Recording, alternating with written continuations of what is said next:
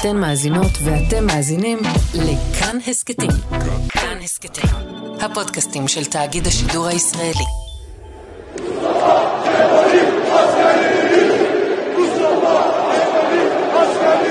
שלום, אני אורי לוי ואתם על שער, הסכת הכדורגל של כאן הסכתים ואתר בבגול. בשבועיים האחרונים, במשחקים של בשיקטש הטורקית, אחת הקבוצות הגדולות בטורקיה, קורה משהו מעניין. אוהדים של בשיקטש שרים שירים שמאיימים על האיש החזק ביותר בטורקיה, ואחד החזקים במזרח התיכון. תראה, כשאתה שומע את המילים האלה, המילים המדויקות הן אנחנו החיילים של מוסטפא כמאל, אתה מבין אורי שקורה כאן משהו. זה יואב זהבי, כתב חדשות החוץ של כאן 11. יואב עוקב אחר הסיפור הזה מההתחלה שלו, ובכלל עוסק ומתעניין בטורקיה, בפוליטיקה שלה ובכדורגל שלה, בעבודה ובחיים. הוא מביא לשער את הסיפור הזה, והכל מתחיל מהשירה הזו ביציעים. מוסטפא כמאל, למי שלא מכיר, הוא אטאטורק, אבי האומה, אבי הטורקים, הוא המייסד בעצם של טורקיה המודרנית שהגיעה אחרי האימפריה העות'מאנית.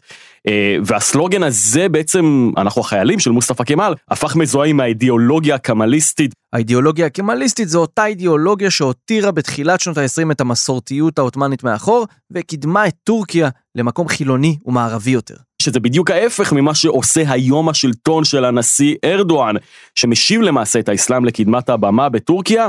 וכמובן מכרסם גם ביסודות ובמוסדות הדמוקרטיים של המדינה, כלומר בדיוק ההפך מאותו חזון של האידיאולוגיה הקמליסטית. אז בעצם כשאוהדי בשיקטש צועקים, אנחנו החיילים של מוסטפא כמאל, זה... זה בעצם לצעוק, אנחנו גם נגד השלטון שיושב עכשיו באנקרה. ומה שהופך את הכל להרבה יותר אינטנסיבי, זה שאלו לא רק אוהדי בשיקטש, ושכל התופעה הזו קורית כשטורקיה נמצאת במשבר כלכלי עמוק, רגע לפני בחירות, רגע אחרי אסון הטבע הגדול ביותר בהיסטוריה של המדינה הזו. וכשקורה דבר כזה, אסון לאומי בסדר גודל כל כך גדול, אז פשוט הבוילר הזה מתפוצץ, כן, הסיר עולה על גדותיו. אז היום בשער יואב זהבי לוקח אותנו לטורקיה, וביחד נבדוק מה קורה ביציעים שם במשחקי הליגה הטורקית, איך זה מושפע מרעידת האדמה, ולמה הנשיא ארדואן דואג מזה. מאוד.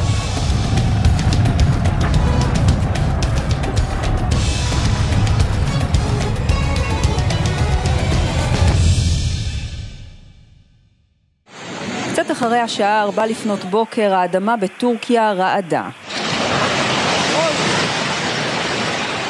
רעש בעוצמה של 7.8 דרגות פגע בעוצמה... בשישי בפברואר השנה, האדמה בטורקיה ובסוריה רעדה.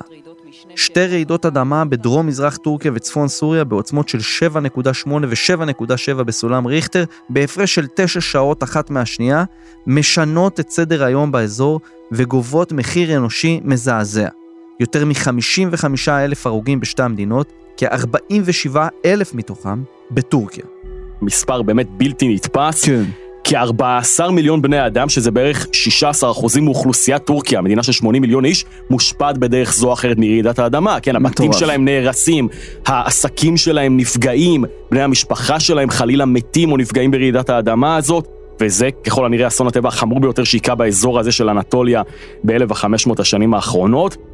האסון הנורא הזה קורה בשנים מאוד מאוד קשות בטורקיה. וכשאנחנו מדברים על טורקיה של העשור האחרון, ודאי של השנים האחרונות, אנחנו מדברים על מדינה אה, שמלבד הכרסום הבלתי פוסק של הנשיא ארדואן במוסדות הדמוקרטיים של המדינה, והפיכת המשטר בטורקיה ממשטר פרלמנטרי למשטר נשיאותי, מה שמעניק לו כוחות אוטוריטריים, יש אנשים שאומרים, אנחנו גם רואים משבר כלכלי מאוד מאוד קשה שטורקיה מתמודדת איתו, ודאי בשנתיים האחרונות. שיעור אינפלציה בלתי נתפס מבחינתנו, אה, שהגיע בשלב מסוים ליותר מ-80 אחוזים. מה זה אומר אורי? שהלירה הטורקית פשוט נשחקת ואנשים מגיעים למצב שאין להם כסף לשלם חשבון חשמל, אין להם כסף לשלם על מים, אין להם כסף לקנות מוצרי צריכה בסיסיים.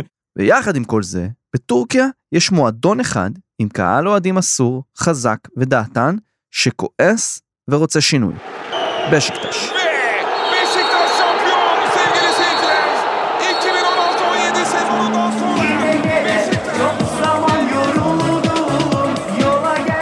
בשיקטאש ג'ימנסטיק קולובו הוא אחד משלושת המועדונים הגדולים באיסטנבול יחד עם גלאטסראיי ופנרבחצ'ה. העונה, המועדון שנוסד ב-1903, רואה את הגב של גאלה ופנר במרוץ האליפות, אבל מתהדר בשחקנים כמו וינסנט אבובקר הקמרוני, רומן סייס המרוקאי וג'נק טוסון הטורקי. כינוי הקבוצה קארה קרטלר, הנשרים השחורים, הגיע קצת כמו שירי האוהדים שאיתם פתחנו את הפרק, מהיציעים. האגדה מספרת שבשנת 1941, כשהקבוצה הייתה במרוץ האליפות, במהלך מחצית שנייה של משחק ליגה חשוב, בכל התקפה של בשיקטש נשמעה בבירור הקריאה קדימה נשרים שחורים, לתקוף נשרים שחורים. אז הנשרים השחורים ניצחו, והקריאה הזו הפכה לסימן ההיכר של העונה ההיא בבשיקטש שזכתה באליפות. עם השנים, הקריאה הזו הפכה לכינוי הרשמי של המועדון. מבין שלוש הגדולות של איסטנבול, בשקטש הוא המועדון השלישי מבחינת מספר התארים וכמות האוהדים. עשרות תארים יש, מיליוני אוהדים גם כן, אבל הייחודיות והאופי של המועדון לא מוטלת בספק. בעוד גלת אסריי הגדולה נחשבת מסורתית למועדון של האליטות הוותיקות והתושבים הזרים של העיר, בשקטש, קצת כמו פנרבחצ'ה, הן קבוצות של מעמד הפועלים. בעוד האופי של פנר הוא לאומי ופטריוטי יותר, האופי הפוליטי-חברתי של בשיקטש נוטה יותר שמאלה. אם בתארים ובכמות אוהדים בשיקטש היא הכי קטנה מבין השלוש, ארגון האולטרס של המועדון שנקרא צ'רשי, בלי שום ספק, נמצא במעמד משלו בכדורגל הטורקי.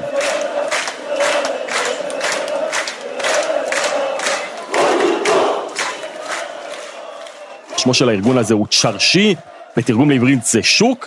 צ'רשי הוא השוק שנמצא בליבה של שכונת בשיקטש, שיושבת בצד האירופי של איסטנבול, מעבר למצר בוספורוס. כלומר, צ'רשי הוא הלב של בשיקטש. החבר'ה של צ'רשי אומרים אנחנו נגד הכל, נגד הכל, אבל בפועל זה לא בדיוק נכון.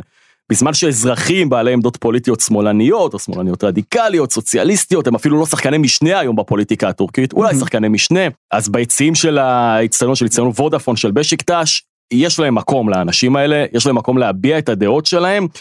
הם אלה שמגנים למשל על איכות הסביבה, דבר שהוא משני לחלוטין אה, בטורקיה של היום. הם אלה שדואגים למשל לזכויות העובדים, אבל זה לא אומר שכל מי שמזהה את עצמו כצ'רשי הוא מחזיק בהכרח בעמדות סוציאליסטיות או שמאלניות או מתנגד לשלטון, אבל האידיאולוגיות האלה קיימות ביציעים של בשיקטש באופן בולט יותר בהשוואה ליריבות הגדולות שלה מאיסטנבול, גלטה סראי ופנרבחצ'ה.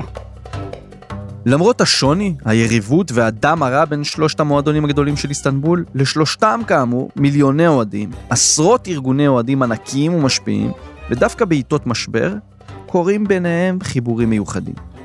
ככה בדיוק קרה לפני עשר שנים. אוהדים מכל קצוות טורקיה ומכל קצוות הציבור הטורקי הפכו לאגרוף אחד. הפגנה נגד הריסת פארק ותיק בשם גזי שקרוב לכיכר טקסים במרכז החלק האירופי של איסטנבול, הציתה גל הפגנות יוצא דופן בטורקיה. תוכנית להקים קניון גרנדיוזי במקום הפארק הזה, הוציאה מיליוני אנשים מהבית. אלה היו ימים עוד לפני שינוי החוקה והמשטר בטורקיה, שחלק גדול בציבור הטורקי באמת חשש שהשלטון של ארדואן, שאז כבר אה, היה משהו כמו יותר מעשר שנים למעשה בשלטון, הופך יותר ויותר אוטוריטרי, כלומר, הולך אחורה מאותה אידיאולוגיה קמליסטית. אה, ומה שהחל למעשה כמאבק למען איכות הסביבה הפך די מהר למחאה ענקית נגד הממשלה, שאליה הגיעו בכל יום עשרות אלפים של אנשים מכל רחבי טורקיה, באמת דבר יוצא דופן, ודאי אה, בשנים האחרונות בטורקיה, והמאבק הזה באמת הבליט את הפער ההולך וגדל בין היסודות החילוניים שעליהם טורקיה נבנתה, כפי שאמרנו, של אותו מוסטפא כמאל אטאטורק, לבין התחזקות האלמנטים האסלאמיים תחת השלטון של ארדואן. ובין דגלי טורקיה, כרזות למען איכות הסביבה ושלטים נגד ארדואן, היו עוד סימנים, שבדרך כלל באיסטנבול רואים או באצטדיוני כדורגל או בשכונת בשיקטש. אפשר היה למצוא גם את האות A, A, סמל האנרכיזם, וגם הסמל של אותו ארגון צ'רשי, למרות שהם טוענים שהם לא לגמרי אנרכיסטים, אבל זה האות עדיין שהם משתמשים בשם הארגון שלהם.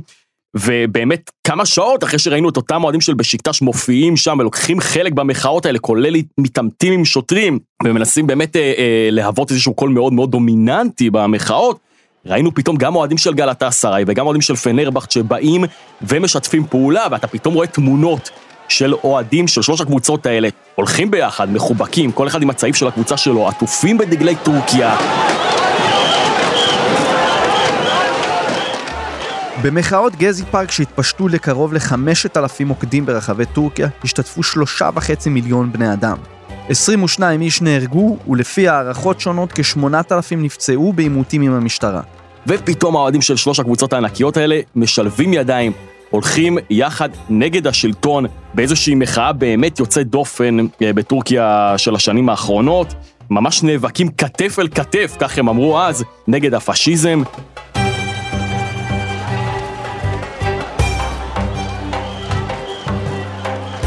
המחאות בגזי פארק, שאגב לא נהרס ומרכז קניות לא נבנה במקומו, רק סימנו את תחילת ההתרחקות של טורקיה של ארדואן מאופייה הדמוקרטי. לא סתם יואב אומר שאולי עכשיו אנחנו בדרך למקום דומה. כי המחאה ביציעים היא לא מנת חלקם של אוהדי בשקטש בלבד.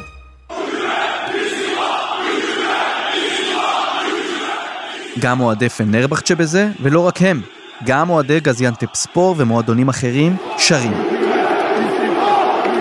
אבל רגע, על מה המחאה בעצם? מה האוהדים הטורקים רוצים? ולמה זה כל כך בולט מאז שהליגה הטורקית חזרה מהפגרה הקצרה שנכפתה עקב רעידת האדמה? אוהדי כדורגל זה פסיפס מאוד מגוון של אנשים, אני לא יודע אם כולם רוצים את אותו דבר, התשובה היא שלא כולם רוצים את אותו דבר, כל אחד רוצה משהו ברור. אחר. הם באמת מבטאים איזשהו מיאוס מהשלטון שפשוט גם דפק לחלוטין, צריך להגיד, את הכלכלה הטורקית. וגם עכשיו פשוט עשה נזק עצום בעצם אי קיום מאותם נהלים, נהלי בנייה של רעידות האדמה, והתזמון כאן זה מה שרלוונטי, כי כשאתה אה, מסתכל כמה חודשים קדימה, נביט על חודש מאי, בחירות לפרלמנט ולנשיאות בטורקיה, והמצב של ארדואן, יחסית לארדואן, רע. אתם מבינים? המחאה הזו שמתחוללת ביציעי הליגה הטורקית יושבת על משבר כלכלי רעידת אדמה וחוסר מוכנות להתמודדות איתה, ובחירות קרובות שמסכנות את הנשיא הטורקי רג'פ טייפ ארדואן. Saat 04.17'de son bir asırda yaşadığımız לא הרבה יודעים שארדואן חולה על כדורגל. הוא היה אפילו כדורגלן בעצמו בצעירותו, ובשנות ה-70 שיחק בקבוצות סמי מקצועניות באיסטנבול. האיצטדיון של קבוצת קאסים פאשה נקרא על שמו, והוא אוהד אמיתי של פנרבחצ'ה. שלושה ימים אחרי שארדואן נבחר לראשות הממשלה ב-2002, אי אז, לפני כמעט 21 שנה, אז הוא היה קצת שונה מארדואן של היום, נערך דרבי בין פנרבחצ'ה לגלת אסריי. אוהדי פנר לא נשארו אדישים לזה שאוהד שלהם נבחר לראשות הממשלה, והציגו שלט גדול לכבודו. פנר ניצחה אז 6-0 באחד הדרבים המפורסמים בתולדות היריבות הרותחת tek top. Ceyhun karşı karşıya. Ceyhun, Ceyhun, Ceyhun 5 oldu. Fenerbahçe 5, Galatasaray 0 değerli izleyiciler. ארדואן מבין כדורגל, הוא יודע מה הכוח שלו. ככה בדיוק, בפרק על פנרבחצ'ה, פרק 6 של שער, סיפרנו איך נסע עם פנרבחצ'ה לסוריה לחנוך את האיצטדיון הבינלאומי בחלב, כחלק מביקור דיפלומטי אצל בשאר אל-אסד, ואיך בזמן אינתיפאדת הסכינים פה בארץ בשנת 2016, במשחקי שתי הליגות הטורקיות הבכירות, קבוצות עלו ביוזמתו עם שלטים שעסקו בירושלים, בקדושתה לאסלאם, בניסיון להראות שלטורקיה ולארדואן יש זיקה והשפעה במזרח העיר. אז את הקריאות שבאות נגדו עכשיו מהיציעים, מבשיקטש ומרחבי הליגה, ארדואן שומע ומבין. ולא סתם ראינו בעבר משחקים שבהם משתיקים את הקריאות האלה בטלוויזיה, ממש ניידת השידור מורידה את הסאונד של הקריאות האלה, ובחלק מהמקרים אפילו אסרו להכניס שלטים שעליהם נכתב הסלוגן הזה במשחקים כאלה ואחרים בליגה הטורקית, וגם במשחקים של קבוצות טורקיות באירופה. ארדואן והממשלה הטורקית מפחדים מהקולות האלו, כי אחרי הרבה שנים, הקרקע תחת שלטונו, תרתי משמע, כבר לא כזו יציבה. בקיץ פורסמו סקרי דעת קהל בפעם האחרונה, כלומר הרבה לפני רעידת האדמה. Mm-hmm. אז ראינו עלייה באי שביעות הרצון מהתפקוד של המשטר של ארדואן. כ-60% מהנשאלים הביעו אי שביעות רצון מתפקודו, בהשוואה לקצת יותר מ-29% שהיו שבעי רצון. כלומר, פחות משליש מהאוכלוסייה הטורקית מבסוטה מהתפקוד של ארדואן, וזה הנתון הכי נמוך בשנים האחרונות, והמשטר חושש, ארדואן חושש שהוא יאבד בעצם את הארמון שלו באנקרה, שהאופוזיציה תצליח לתפוס את השלטון אחרי שנים שחשבנו שזה פשוט בלתי אפשרי, כי הוא עשה הרי הכל כדי לבצר את שלטונו. הוא דיכא את חופש העיתונות, הוא דיכא את אנשי הצבא שלטענתו ניסו להפוך את השלטון ב-2016, כלומר את כל היסודות החילוניים, את האקדמיה כמובן, כל היסודות שיכולים להוות איזושהי אופוזיציה לשלטונו, הוא מדכא בשנים האחרונות. וכשאנחנו רואים את האנשים שמקיפים את ארדואן, אנחנו יכולים להבין כמה החשש גדול. קודם כל בשבועות האחרונים מה שארדואן עושה הוא כמובן מבקר באותם אזורים שבהם אירעה רעידת האדמה והוא מחלק כסף, שטרות כסף לאנשים, ליטרלי שטרות כסף, כאילו זה מה שיפתור את המצוקה. עכשיו זה יוצר כמובן הרבה מאוד תגובות נגד. ותגובות הנגד האלה גורמות לארדואן וסביבתו לחשוש. שר הספורט למשל אמר אה, ממש לאחרונה, המגרש הספורטיבי הוא לא מגרש פוליטי. אה, תפסיקו עם הקריאות האלה. מנהיג התנועה הלאומית, שזו מפלגת ימין קיצוני שהיא חברה בקואליציה של ארדואן, הוא היה אוהד בשיקטש, אמרנו פסיפס מגוון, אז הנה, הוא היה אוהד בשיקטש, והוא למעשה אה, ביטל את החברות שלו במועדון, ועבר לעוד קבוצה אחרת, הוא ממש הצהיר על זה, כינס את המפלגה והצהיר בפני האנשים, אני מעכשיו לא אוהד יותר את בשיקטש, ביטלתי את החברות שלי. והוא גם אמר למועדונים, חבר'ה, אם אתם לא תדאגו להשתיק את הקולות האלה, אתם פשוט תשחקו בלי קהל. עכשיו, המועדונים מפחדים, חלקם לפחות מפחדים, חלק מהמועדונים כבר נוקטים בצעדים, קייסר יספור למשל, לא אפשרה לאוהדי פנרבכצ'ה להיכנס למשחק שנערך בין השתיים לאחרונה, בגלל חשש שפשוט ישמעו שם שוב את הקריאות האלה, והם גם הוציאו גינוי והודעת תמיכה בממשלה, הם אומרים זה הזמן לסולידריות, אין מקום לצאת נגד הממשלה כשאנחנו בתקופה של אסון לאומי וצריכים פה להתחבק ולהיות כולם ביחד. זאת אומרת שיש פה פחד אמיתי של ארדואן, וגם שיש פה מאבק. אנחנו רואים עכשיו שארדואן חושש מאוד לכאורה, שהמחאה הזאת תזלוג מתוך מגרש הכדורגל ששוב מהווה מראה למה שקורה ברחוב, ותצא החוצה ונראה פה דברים כפי שראינו בשנת 2013 עם אותן מחאות בפארק גזי שבסופו של דבר לא הצליחו, כן, כי ראינו שארדואן ביצר עוד יותר את שלטונו בשנים שחלפו אה, מאז, אבל ברור שהחשש שאותה מחאה תזלוג החוצה, תזלוג לרחוב, תעזוב את המרחב הזה של האיצטדיון, היא מאוד מאוד גדולה ואנחנו רואים שבאמת המשטר היום משתמש בכל הכלים שיש לו, אם זה לשלוח את שליחיו שיאיימו על המועדונים ויגידו אתם תשחקו בקהל, אם זה להשתיק את שידורי הטלוויזיה שמשדרים את הקריאות האלה, ואם זה למשל אה, לדכא עיתונאים שמדווחים על דברים ש... שבשלטון לא כל כך אוהבים, באמתלה של עבירה לחוקי הצנזורה. משבר כלכלי, אסון טבע ובחירות, אלו הם אתגרים אדירים לכל שליט, מנהיג, דמוקרטי או דיקטטור. אבל פה יש גם עניין של תזמון. וכשאתה מגיע אחרי אסון שארדואן עצמו הגדיר אותו כאסון הלאומי הגדול ביותר שלנו, אה, שבו נהרגו כל כך הרבה אנשים וכל כך הרבה מבנים בעצם נחרבו וכלכלה שלמה פשוט נעלמה כלא הייתה בכל כן. האזורים האלה, ברור שהאיש נמצא בבעיה, ואם הוא היה צריך למצוא תזמון בעייתי לרעידת האדמה הזאת, זה בדיוק בא בזמן הכי הכי בעייתי לארדואן, ואם הוא יאבד את השלטון, תשמע, זה יהיה סיפור, אה, זה יהיה סיפור פנטסטי לדבר עליו.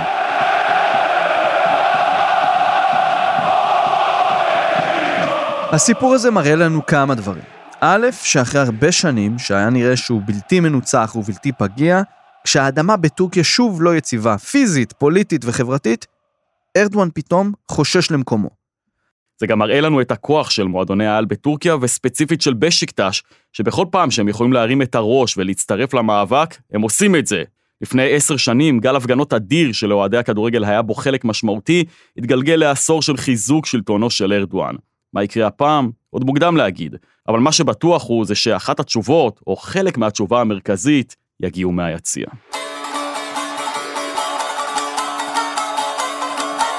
זה היה השער שלכם לבשיקטש, לצ'רשי ולתופעה שתופסת תאוצה ביציעי הליגה הטורקית ומאיימת על הנשיא רג'פ טייפ ארדואן.